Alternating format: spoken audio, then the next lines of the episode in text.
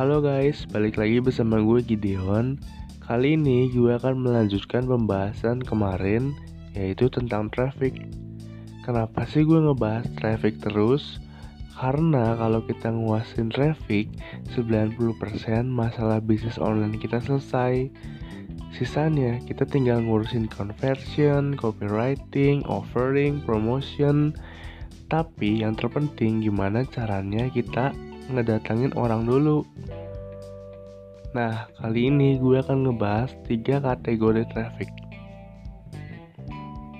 Yang pertama, traffic yang tidak bisa kita kendalikan. Artinya, kita nggak bisa kontrol jumlah traffic yang datang hari ini. Traffic yang tidak bisa kita kendalikan dalam digital marketing yaitu SEO, content marketing, social media marketing, dan affiliate marketing. Contohnya, kalau SEO, kita nggak bisa kontrol berapa orang yang ngebuka website kita hari ini. Dan konten marketing, kita juga nggak bisa prediksi berapa orang yang ngeliat konten kita hari ini. Artinya, traffic yang datang di luar kendali kita. Nah, yang kedua, traffic yang bisa kita kendalikan. Artinya, kita mau ngedatangin orang 10 ribu atau 100 ribu hari ini juga kita bisa dengan cara membayar di SEM atau di Google dan juga bisa pay per click di Facebook. Artinya, kita bisa bayar berapapun yang mengunjungin profil Instagram atau Facebook kita pada hari ini sesuai dengan budget kita. Dan yang ketiga, traffic yang kita miliki.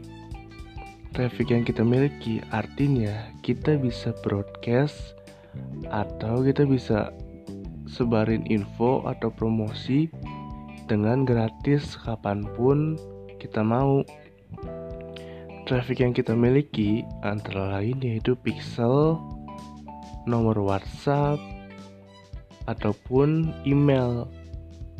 Pertama, pixel. Pixel adalah suatu kode yang ditanamkan di website kita untuk melacak customer. Contoh simpelnya, jika kita membuka Tokopedia atau Shopee, kita melihat suatu barang yang kita suka, Nah, setelah kita tutup, kita akan sering melihat barang itu di website lain ataupun di feed Instagram atau Facebook kita.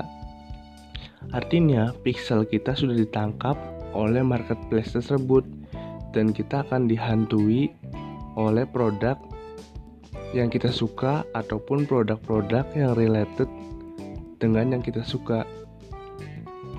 Nah, yang kedua, yaitu nomor WhatsApp dan yang ketiga email. Ada beberapa perusahaan yang ngebakar uang dulu di awal untuk mendapatkan database. Contohnya perusahaan-perusahaan besar yang memberikan produk dengan harga murah ataupun gratis dengan tujuan menyimpan database kita sehingga mereka bisa back end selling di belakangnya. Artinya mereka bisa offering kita terus menerus kalau mereka ada produk baru atau promosi baru. Nah, behavior customer juga biasanya udah trust atau percaya kalau udah pernah beli. Nah, sehingga pembelian kedua, ketiga, dan selanjutnya mereka tingkat konversinya jauh lebih tinggi. Nah, ini juga termasuk uh, suatu strategi beberapa perusahaan besar menggunakan back end selling ini. Nah, oke okay, segitu aja. Tiga kategori traffic yang bisa gue jelasin. Gue akan sangat senang kalau ada yang bisa ngebahas ini lebih dalam. Jangan lupa juga follow gue di Instagram @dionhermawan12 Oke, gue terima feedbacknya dan masukannya ataupun kolaborasi dengan teman-teman. Oke, okay? bye bye.